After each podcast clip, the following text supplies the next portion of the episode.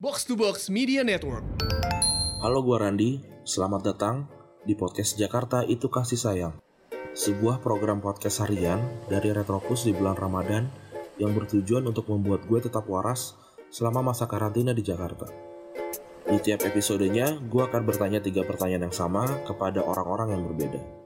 Mari kita dengarkan sebuah cerita baru dari orang yang baru.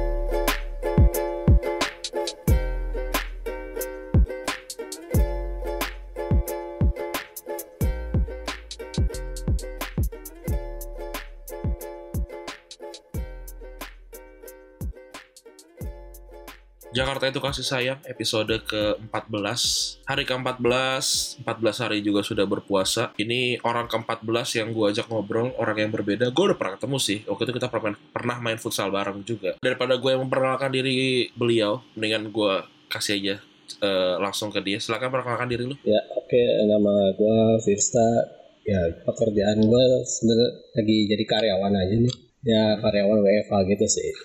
Ya biasa itu gitu aja bang. Oke Kenapa lu mau bercerita di sini dan apa yang mau lu ceritakan di sini? Ya sebenarnya sama kayak lu buat uh, segmen ini ya karena nggak tahu juga mau ngapain kalau WFH terus karena gue orangnya extrovert ya jadi kalau kayak nggak ngobrol itu kayak rasanya tuh gak asik gitu harus ngobrol gitu hmm. nah kebetulan kalau pasti ini lu buat bikin apa sarana buat buat ngobrol nih gitu terus apa yang mau lo ceritain ya mungkin uh, ini nggak semenarik ya yang lain-lainnya cuma gue bakal sekedar apa masih tau pengalaman gue pas dulu masih jadi fans JKT48 ya. Oh, nostalgia, ya. Bener. Lu waktu itu ngefans sama JKT48 itu di uh, fase yang mana nih di tahun yang mana? Kalau dibilang fase mungkin gue uh, gelombang pertama ya, gelombang pertama gitu. Okay. Jadi tahun 2012 itu masih gen 1 dan itu masih masih banyak banget orangnya belum yang keluar baru berapa hmm. orang dua tiga orang baru keluar sisanya masih lengkap nah itu gue juga belum sampai uh, teater teater itu dibuat belum belum sampai situ nah jadi masih show dari panggung ke panggung gitu oh berarti lu Ageng Serang juga udah belum eh udah nggak jadi udah, fans ya fans, udah jadi oh, udah jadi masih? fans Ya di Serang tuh teater okay. pertama gue udah gue udah datang. Oke, okay, lu datang di Nyageng Nyageng Serang. Tapi waktu pas di FX itu lu udah nggak jadi fans? Oh, masih Apa itu masih? fase terakhir gue jadi fans sih di pas di FX itu. Oke okay, oke. Okay. Kenapa waktu awalnya kenapa lu suka? Awalnya sebenarnya dicekokin ya. Jadi JKT48 gue kepo kan di apa nih? Apa ya? AKB48 terus JKT48 juga apa sih? Jadi pelan-pelan ngikut coba ngikutin gitu. Dan ternyata ya asik-asik juga. Oke. Okay. Coba lu ceritain deh, apa apa yang berbeda dari ngefans JKT48 zaman dulu? Waktu itu kan malah kayaknya belum belum dia puncaknya berarti kan sebelum dia puncak. Sampai sekarang yang kalau menurut gue sih udah lewat nih ini hype-nya gitu. Kayak dulu kan gila setiap setiap hari ada aja tuh di TV ada aja iklannya ya, gitu. betul. sekarang kan udah nggak ada nih. apa tuh per perbedaannya gimana tuh? Dari segi apanya nih bang perbedaannya maksudnya? Dari behavior fansnya oh. mungkin atau behavior si membernya juga? Kalau behavior kalau kita bahas behavior membernya mungkin dulu itu lebih deket ya lebih yang gue rasa sih lebih dekat sama fansnya. Uh, interaksinya tuh emang bener-bener langsung. Jadi kalau misalnya kalau main Twitter gitu ya lo bener-bener kalau misalnya di follow back ya lo di follow back bener-bener mungkin ini salah satu yang bikin gue memutuskan untuk itu ya sebenarnya udahan. ya udahan uh, datang ke teater lah maksud uh, minimalnya gitu lah udahan datang ke teater gitu karena kalau fansnya makin makin ke sini tuh makin ya makin bisa dibilang rusuh bukan rusuh sih ag agak nggak okay. aja gue sih juga nggak nggak kosong kosong amat ya uh, tentang hmm. ini ya gue mungkin beberapa beberapa event yang kejadian di di si fandom ini gue tahu walaupun gue sih juga cuma sebentar sih ikut ikutan nonton juga gitu. Mungkin kita kita nggak nggak nggak di fase yang sama mungkin gue agak belakangan dikit tapi gue udahannya lebih cepet tuh. Karena apa ya kayak kalau kalau buat gue kayak aneh gitu waktu waktu dulu kan aneh banget gue ngedukung apa? Ngedukung uh, idol gitu. Apa aneh kayak bukan sebuah konsep yang bisa gue terima gitu kan. Kalau gue mau konvensional banget gitu kayak ya udah laki itu harus yang yang maskulin maskulin Iya, gitu iya. emang. yang gue toxic masculinity Iya, banget iya, lah laki paham, itu. harusnya bola baju hitam apa segala macam. Ini pas ke sana tuh ya kelihatan sih. Maksudnya eh, waktu ke teater kan fans fansnya kan beragam banget kan. Ada yang dari orang super kaya benar, gitu. benar, benar. terus ada, ada orang yang yang kayaknya ya dia tuh bekerja atau dia kayak nabung banget tuh duitnya cuma buat nonton doang makanya Nah, datang tuh ya itu gue tuh. kill Iya. apa segala gitu Iya, kan. Iya, dulu ada, ada yang nonton tiap hari juga ada, ada nonton Ada, tiap ada, hari ada, gue gak ngerti. itu eh, lu sampai ini gak sih? Sampai ada di fase yang kayak kepo banget anjir gue pengen tahu deh rumahnya di mana sekolahnya di Oh, mana kalau, gitu. kalau itu paling kampus ya lebih ke kampus. Misalnya gue kan waktu itu dalam fase-fase Hmm. nyari kampus juga tuh. Nah gue pengen coba cari tahu kan oh si A kampusnya di mana kampusnya di mana gue mau masuk situ aja. Tapi kalau sekolah-sekolah atau alamat rumah sih enggak sih. Gue menghargai privasinya aja. Itu kan lebih lebih privasi ya tapi kan banyak kan fans yang zombie apa ah demaci iya apa Demaci gitu kan. itu banyak banyak. Iya iya iya. Gimana Iya tuh itu gimana? salah satu yang membuat gua risih juga makin ke sini karena ya lu jadi kayak nggak menghargai privasi orang lain gitu. Kayak lu nungguin orang sampai nungguin member sampai benar-benar cabut dari teater terus nungguin di dekat mobil atau di jalan keluar ketika member pulang. Itu menurut gua nggak nggak apa ya ngeganggu lah. Ada satu kejadian kasus yang parah banget gak yang gue inget yang ada fans yang sampai segitunya gitu ada ada ada ada itu Apa tuh? Apa tuh? uh, gue lupa tahun berapa pokoknya ada satu fans itu sampai nyamperin ke rumah member gue nggak mau sebut membernya siapa uh, mungkin kebanyakan udah pada tahu Hmm. itu benar-benar sampai ke depan rumah yang nungguin Eh, kalau menurut gue sebut aja kan pada nggak tahu iya. juga nih kalau Iya, pendengar kita ya, Sinta, Sinta. Sinka oke itu ada kasusnya Terus? dia ditungguin sama fansnya di, sampai depan rumahnya karena fansnya bilang gue mau ketemu Sinta gue mau ngomong sesuatu sama dia fansnya udah udah open gitu gue ngeliatnya kan anjing gue ngomong ngapain Sinka itu ke- kelahiran 96 96, Sinka ya? 96. 95 Iya, 96 ya? iya, Iya iya iya. Soalnya gue juga suka jadi cukup ngikutin Sinka. Terus gimana tuh akhirnya? Itu gimana sih kesebarnya? Eh, kan kan gini ya. Maksudnya kan misalkan itu gua eh, si om-om Iya. itu kan itu gua. Terus gue datang ke ke rumah lo Iya. gitu. Lu lu idol gua. Gua ke, gua ke rumah lo. Kan misalkan gue datang Iya. sendiri nih. Terus itu cerita cerita itu keluar ke fans banyak itu dari siapa ya kan nggak mungkin kan lu ceritain disamperin sama gua Iya, gitu. Dan kalau misalkan lu cerita juga, lu kan cerita ke sama Ah, member gitu. Masa ma- masa dari member ke keluar ke fansnya itu gimana nah, ya? itu gue Sirkulasinya itu Nah itu gimana? ya? gue nggak tahu tuh ada kayak misalnya mungkin teman sekolahnya yang banyak yang ada yang gue tahu sih gitu ya yang salah satu ada rumah di Bekasi kayak si Ayana tuh gue tahu dari teman gue terus dia ikut idol terus kasih tahu ke teman-teman yang lain bisa aja kan kayak gitu Nah itu itu yang yang ngebuat lu gak ud- udahan gitu ke, tentang fanat fanatisme yang ya berlebihan fanatisme yang berlebihan itu yang membuat gue udahan karena gue udah merasa keganggu pas pas di teater pun gue merasa keganggu dengan fanatisme yang berlebihan itu Atau lu keganggu karena beban yang melekat sebagai fans JKT48 yang norak segala macam ya nah juga iya itu gitu. itu Di, di, ya, untuk orang itu luar juga. juga eh, yang nggak gue sadari gue eh, lebih ke arah sana sih kayak gue nggak bisa nerima perlakuan yang rusuh dan norak gitu Lu nggak mau terasosiasikan Iya, dengan benar, mereka benar, gitu ya? benar. Terus akhirnya akhirnya gimana tuh? Eh, ya udahlah gue cabut nih gitu. Terus ya gimana? udah gue apa sih kayak mengalihkan diri gue ke hobi yang lain dalam saat itu gue suka emang suka banget eh, main futsal kan ya udah gue futsal futsal aja nggak usah nggak ke sana nggak nggak usah ke teater lagi Sefanatik apa lu sama JKT48 waktu itu? wah Paling kalau fanatiknya kalau ngapain? sam- kalau dibilang fanatik gue mungkin bisa dibilang agak norak ya tapi kan kalau retrotis bilang norak boleh tapi bodoh jangan kan nah gue mungkin Ya benar.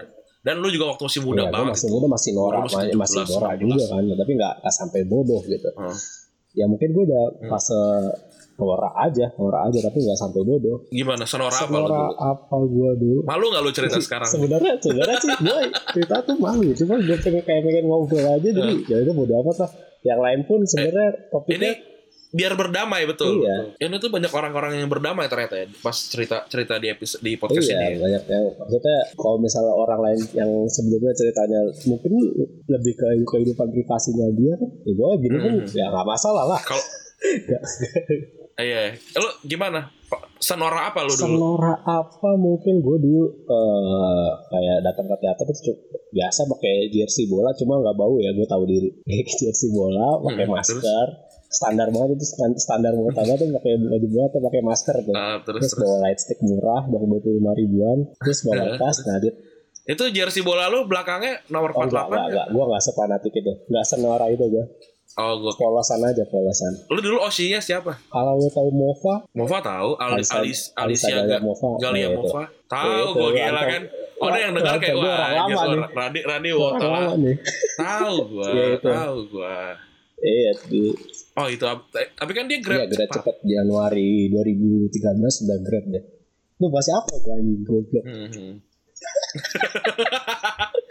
Oke, kita ini ya kita kita sudah cerita-cerita si JKT48 kita masuk ke pertanyaan Ya, pertama ya. Oke, kita masuk ke pertanyaan pertama. Kalau ada eh kalau di, di dunia ini cuma ada satu lagu yang tersisa, lagu apa itu dan kenapa? Kalau itu gue sebenarnya sebelumnya agak bingung ya. Gue mau masukin lagunya You're Beautiful-nya James Blunt atau Hmm. eh, apa Sleeping Child-nya Michael Turok. Turok.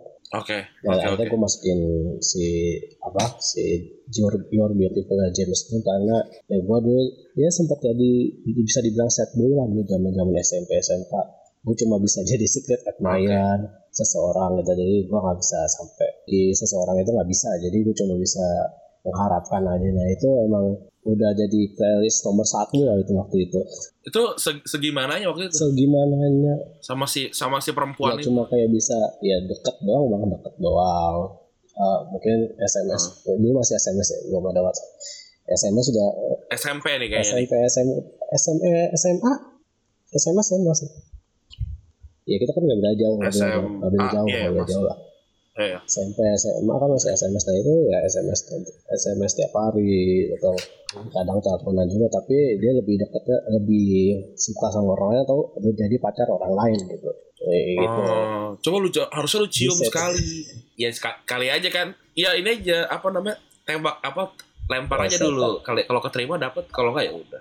Ya. Tapi akhirnya akhirnya nggak nggak nggak pernah lu miliki Nggak. itu orang. Pernah. Sampai akhirnya sampai akhirnya ya gue ganti target eh dapet. Ya sampai situ. Ganti target Oh, dapet. Sampai sekarang masih. Di bagian mana dari lirik yang paling lu suka? oh itu yang ini. Yang there must be an angel with smile on her face when she thought up that I should I should be with you. But it's time to face the truth I will never be with you. Oh, Wah, dalam Ini banget tersirat, banget eh tersurat sekali ya, tersu tapi tersurat Iya. langsung ya kayak ya udah aja gitu. gitu. Berarti ini berarti lu, lu, lu, lu dengerin setelah lu ini apa habis WhatsApp eh, habis chat-chatan gitu terus lu tahu kalau dia tuh terlalu tinggi levelnya gitu apa gimana? yang bisa jadi bisa jadi mungkin kayak gitu atau setelah dia udah jadian sama cowok lain itu gue lupa ya pokoknya saat-saat kayak gitu lah saat-saat merenung tengah malam gitu Yang kayak nyesel gitu Iya. ya kayak kenapa? Gue tidak seberani itu? Gue gak seberani itu gitu. Tapi tadi dari ini kan eh, gua ngerekam ini di hari ke 13 juga nih gue barengan ngerekam di episode 13 dan 14 nih. Ini kan episode ke 14. Hmm. Gue cerita di episode ke 13 itu lagu yang yang mengingatkan gue sama jadi si 13 itu dia cerita tentang lagu yang mengingatkan sama bokapnya terus gue bilang lagu yang mengingatkan gue sama bokap gue adalah eh, Sleeping Child-nya Michael Michael Hmm. Gitu. Tadi Iya, iya, eh, itu itu itu emang lagu lagu lagu yang sangat iya, menyenangkan lah. benar. Lagu yang bikin damai lah Ya, itu. tapi lu milih Iya, lu, lu, lu milih si James Blunt. Ini juga kayaknya lagu sejuta Lagu umat sejuta ya. umat, benar. maksudnya Set boy zaman SMP pasti. Set boy 2008 2009. betul ini kayaknya Re- Rex Orange County juga dengerinnya itu sih Iya. dulu sih waktu dia nangis-nangis sih. Terus akhirnya dapat tuh, dapat dapat yang Ya, lain penggantinya ya. dapat lain setelah ganti target setelah berapa lama? Empat tahun, tiga, tahun empat tahun lah. Terus akhirnya yang dulu itu sekarang ada di mana deh? Ah, tahu? lah. tahu. Oh, yang satu emang, yang satu yang jadi, emang udah jadi karena kebiasaan aja, di- akhirnya jadi teman dekat. Yang satu udah Oh, jadi dokter gigi. ya. Oh, udah udah udah makin Dia sulit digapai ya. Cuma karyawan, ya karyawan biasa lah. Oke oke. Pertanyaan Baik. kedua ya, apa sih pedoman lu dalam menjalani hidup? Bisa quotes, mantra, atau ayat kitab suci? Sebenarnya gue nggak terlalu punya pegangan hidup ya, cuma gue karena gue suka banget film trilogi Batman-nya Christopher Nolan ya, itu ada ada satu Hmm. quotes yang uh, ngasih tahu uh, uh, why do we fall because uh, it learn ourselves to up eh gimana ya lupa gue dulu jadi fans JKT48 itu sering jadi buat bercandaan yang apa lirik yang Sonichi itu usaha keras tidak akan mengkhianati. mengkhianati. Mantap. Iya iya, gue juga setuju. Gitu. Gue juga setuju. Walaupun satu sisi ada yang usaha usaha tapi Iya. usahanya tidak Ada. berhasil ada. Tapi itu apa ya lagu lagu Sonichi itu lagu lagu yang cukup dalam benar. ternyata tuh untuk benar, beberapa benar. Untuk orang. beberapa orang itu kalau sebenarnya lo Hmm. nggak nggak apa arti makna yang tersirat dari lagu itu sebenarnya dalam banget. Kalau gue suka di, di Sonichi ini sudah pasti aku tidak mau kalah dari kakak Oh, iya, kelasku siap. itu buat gue kayak ini mah cuma tentang umur Iya. doang lu mulai duluan nanti kita junior junior juga ntar kalau emang emang berusaha juga bakalan jadi iya, lebih iya, bagus bisa kesalip lah. bisa Benar, nyalip iya. betul oke pertanyaan terakhir apa yang berubah dari hidup lo semenjak pandemi COVID-19 ini terjadi? Eh, mungkin yang pertama gue jadi lebih sering ibadah karena sebelum WFA itu sholat gue masih bolong-bolong. Sekarang udah mulai karena gue nggak tahu harus mau ngapain deh di rumah doang terus kerja ya udah sekalian aja sholat. Terus yang lebih berasanya itu ya karena gue orang ekstrovert terus disuruh di, di- da- apa di rumah aja gitu kan ya gue lebih cepat merasa bosen aja di apa di rumah. Jadi pelampiasannya kadang Hmm. gua nyetel YouTube aja nyetel YouTube tapi nggak gue dengerin gua biarin aja dia dia ngomong gitu. Biar biar berisik Hmm. aja di kamar tuh. Lo kalau tentang ini tentang keuangan dan segala macam ini nggak? Sampai dipotong gaji Enggak, apa kebetulan kantor gua salah satu kantor yang punya nama dan kantor gede juga. Jadi gua nggak nggak dapet potongan gaji atau apa keuangan gua masih lancar semua cicilan gua masih bisa kebayar cicilan tagih masih bisa kebayar pokoknya keuangan kayaknya belum ada masalah sih sekarang nggak nggak terlalu pengaruh Oke, oke, oke, sip, sip, sip. Oke deh, gitu. Oke. Episode ke-14 sudah selesai kita rekam. Em, terima kasih eh, sudah mampir ke sini. Sehat-sehat terus. Semoga tidak ada hal-hal yang menyebalkan ya selama bulan Ramadan Yoi. ini. Sip. Oke, terima Sama-sama. kasih. Kita cabut. Bye. Bye.